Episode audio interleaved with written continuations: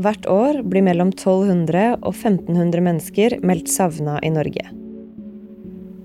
De aller fleste dukker opp igjen, eller så blir de funnet. Men et sted mellom 15 og 30 mennesker blir ikke det. Og de blir skrevet inn i savna-registeret til politiet. Akkurat nå så er det 1411 navn som står der. Et av dem er Pål Johan Gulbrandsen. Og så hører jeg hun sier at uh, vi kan ikke finne Pål. Vi vet ikke hvor Pål er. Hva skjer når noen bare blir borte? Du hører på Forklart fra Aftenposten. Jeg heter Anne Lindholm, og i dag er det tirsdag 8. juni. Pål Johan eh, Gulbrandsen, 21 eh, år, kom fra Sørlandet, Arendal, Øyvind Nordli er journalist i A-magasinet, og er en av dem som har brukt en del tid på å tenke på Pål Johan Gulbrandsen. Den nesten to meter høye, blonde agronomstudenten på Høgskolen i Innlandet som forsvant en julidag i fjor. Han eh, beskrives som eh, eh, litt beskjeden noen ganger, men også veldig samfunnsengasjert. Han har veldig, han er veldig opptatt av eh, samfunnsspørsmål, politikk og ikke minst teknologi. Men eh, han kunne også være litt eh, sånn vimsete og litt distré. Så han kunne være en fyr som kunne rote seg opp i situasjoner. Fredag 24.07 i fjor så var det litt over 20 grader på Hamar, og Pål Johan Gulbrandsen er den eneste av de sju som leier hybel i et hvitmalt hus ved høyskolen, som ikke har reist på sommerferie. Eh, han har en sommerjobb på en gård på Nes, ytterst på en halvøy i Mjøsa. Så han har avtalt med de på den gården, som er arbeidsgiver hans, Eh, om at han skal jobbe eh, i tre dager, fra mandag til og med onsdag. Før han skal reise på ferie hjem til Arendal med en avstikker i Oslo, der han har en del kompiser. Så dette skal være den siste helga Pål er igjen på hybelen, før også han kan ta sommerferie. Og på fredagen så sykler han hjem fra den gården han jobber på, og til Det hvite huset med alle hyblene i. Han kommer syklende opp en grusvei opp til kårboligen, der han eh, leier en hybel. Og utleieren ser han kommer. Eh, han stikker innom ham og snakker litt med ham. Eh, han sitter med bena på bordet. Han ser på en kamp, antageligvis en basketkamp, for han var veldig interessert i NBA, amerikansk basketball. Han er veldig blid, forteller utleieren. Så han blir, uten at han vet det, den siste som ser eh, Paul Johan i live. Seinere den kvelden så chatter Paul med en kompis. De planlegger å møtes og spille basket når Paul kommer til Oslo. Dagen etter, lørdag 25. juli, så er han på butikken om formiddagen. Han tar antageligvis sykkelen fra, fra hybelen. Det er eh, et par kilometer bort til eh, Rema 1000. Eh, vi har fått tak i en kassalapp som viser at han handler omtrent midt på dagen for 290 kroner. Han kjøper Tex-Mex-sliders, kyllingbryst, sennep, melk. Helt vanlige ting. Og han setter det i kjøleskapet. Hvorfor er det viktig? Jo, fordi for politiet er det det siste livstegnet de har av ham. For når han forsvinner, så ser de at matvarene fortsatt står i kjøleskapet. Etter den handleturen så fins det flere spor, men her kan ikke politiet være helt sikre på at det er Paul som legger dem igjen. For eksempel så blir en venn oppringt sånn midt på dagen den søndagen fra Paul sitt nummer. Men vennen er på hyttetur og tar ikke telefonen, men tenker at han skal ringe han opp igjen seinere.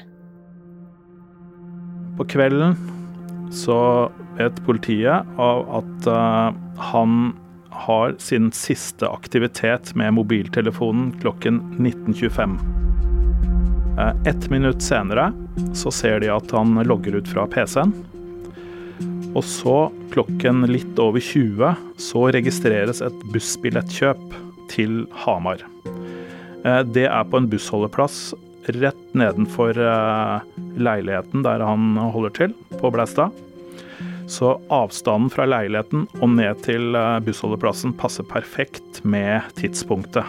Det er registrert et bussbillettkjøp. Denne bussturen tar ikke så lang tid, den går i retning Hamar. Men en time senere så registreres et nytt bussbillettkjøp. Og det gjøres på Ridabu skole. Og det busstoppet har blitt et av de største mysteriene for politiet i den saken her. For hvis det er Pål som har tappa bankkortet begge gangene, så betyr det at han har vært i området ved Ridabu skole i rundt en time før han tok bussen videre mot Hamar. Men hva har han gjort der? Eh, det finnes en folkehøyskole der, det finnes en kirke, det finnes en skole og et bibliotek.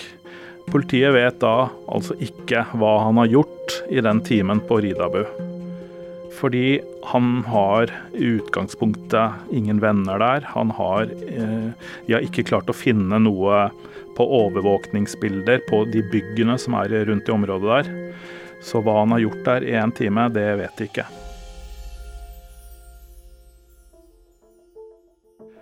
Og der stopper alle spor.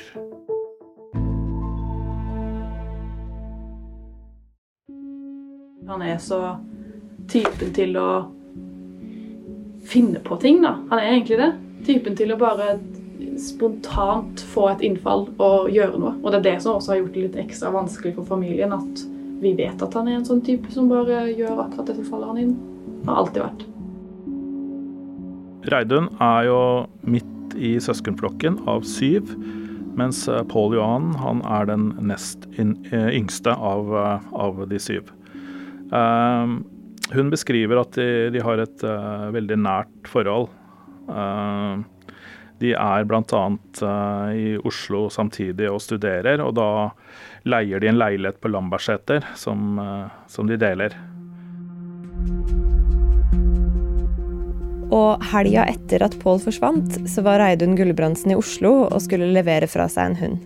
Um, og så så jeg på mobilen at mamma hadde ringt fire ganger. Og så ser jeg hun ringer inn igjen, og så tar jeg telefonen og sier at bare mamma er opptatt, jeg kan ikke snakke akkurat nå. For da var det mye stress med den der hunden. da. Mye mm. følelser med at jeg skulle levere den fra meg. Og sånn. Og så hører jeg hun sier at uh, vi kan ikke finne Pål. Mm. Vi vet ikke hvor Pål er. Og da den, Min reaksjon var bare uh, liksom, ja, liksom retta mot han. Da, bare sånn, Hva er det du har funnet på nå? liksom. Uh, ble irritert på han. Litt etter litt så skjønner hun at det er alvor. Hun sender meldinger til Facebook-vennene hans og prøver å finne ut av hvor han er hen. Men alt det er altså en uke etter det siste livstegnet fra Paul. For det skjer en del imellom bussbilletten fra Ridabu og telefonen til Reidun. Det aller første som skjer, er jo da på mandag. Så dukker han ikke opp som avtalt eh, på Nes på denne sommerjobben. Arbeidsgiver der varsler ikke videre med en gang, fordi eh, de opplevde også en annen mandag at han ikke kom eh, til avtalt tid. Da hadde han sendt en, eh, en tekstmelding om at han følte seg litt dårlig, men at han kunne jobbe litt lenger dagen etter. Og det var helt OK for de. De, et, de var veldig fornøyd med ham. De fortalte om en, en gutt som jobbet veldig hardt og var veldig til å stole på, da.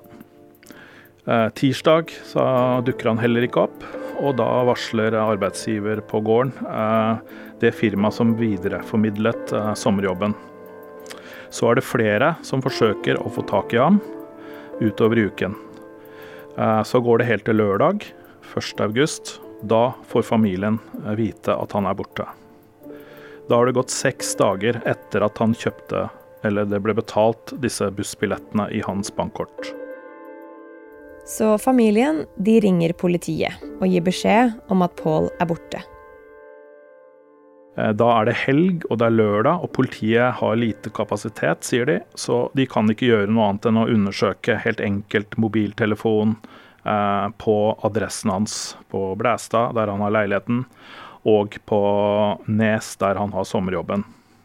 Først mandag, altså over en uke etter at han eh, forsvant, så starter etterforskningen for fullt. Og Hvordan jobber politiet med forsvinningssaker som, som den her? Ja, de har jo alltid eh, fire eh, teorier på hva som kan ha skjedd. Det ene er om savnede har forsvunnet av fri vilje. Det andre er om eh, savnede har tatt sitt eget liv. Eller har kommet ut for en ulykke eller et uhell. Eller har blitt utsatt for noe straffbart. Så alle, alle saker starter med disse fire hypotesene. Og da blir elektroniske spor, mobiltelefoner, PC, videoovervåkning og vitneobservasjoner det blir kjempeviktig.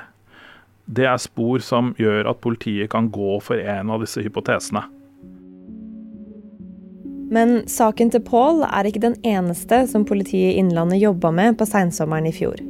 For nesten samtidig så fikk de en helt annen forsvinningssak i fanget. En båtfører på Mjøsa som også var blitt borte. Hei, her er nyheter fra NRK Innlandet.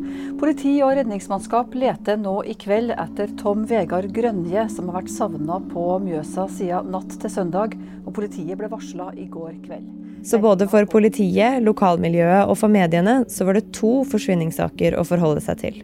Det gjør også at de kan øh, søke etter begge to i Mjøsa. Uh, det blir et omfattende søk, men til slutt så finner de bare én, og det er båtføreren omkommet.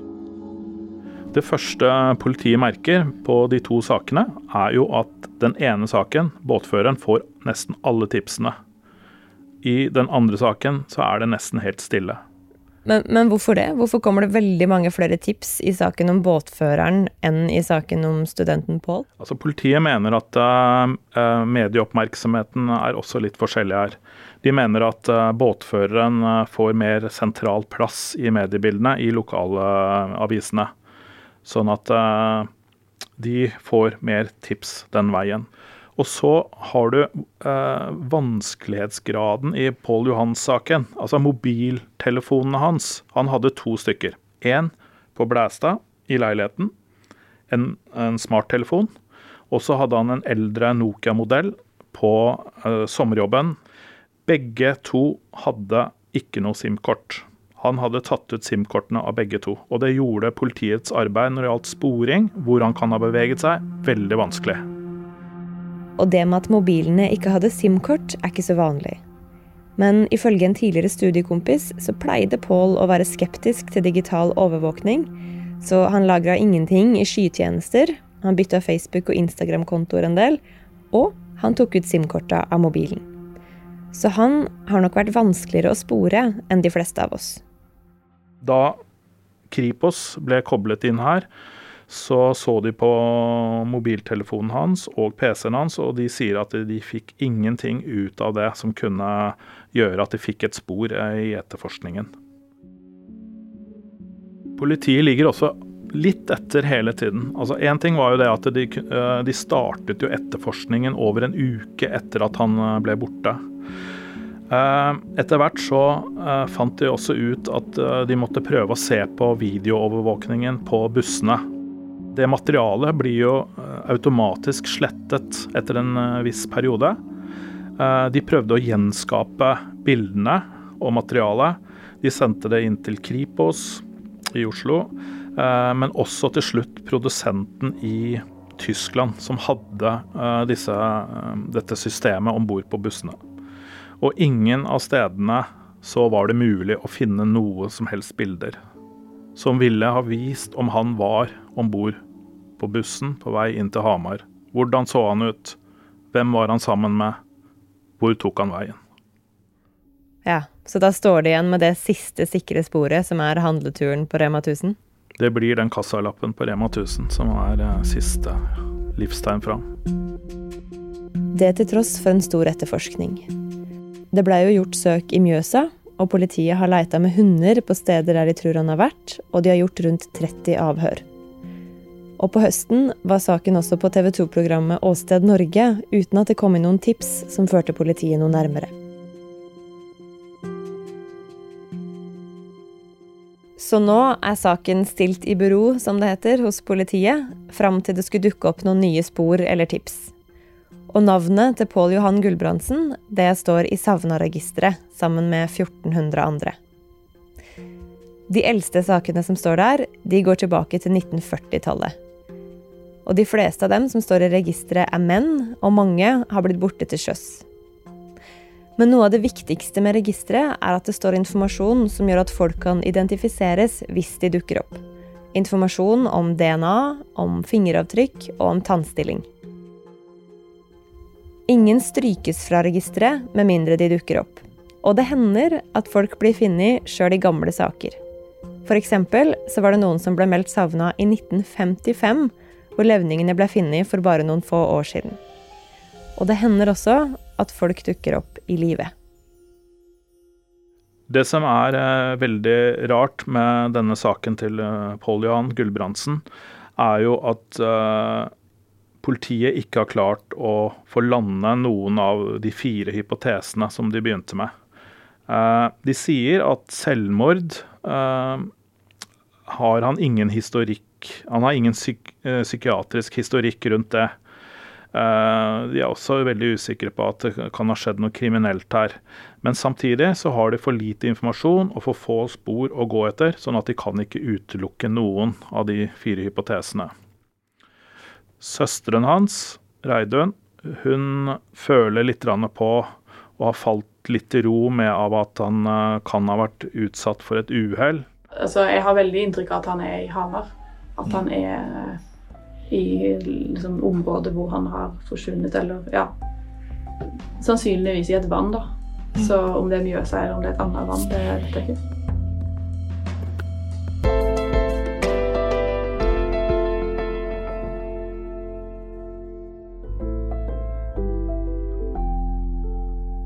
Denne episoden her er lagd av produsent Ina Swann og meg, Anne Lindholm. Resten av Forklart er Guri Leiel Skedsmo, Marit Eriksdatter Gjelland og Fride Næss Nonstad. Du hørte lyd fra NRK. Foreldrene til Pål er orientert om at vi lager denne episoden.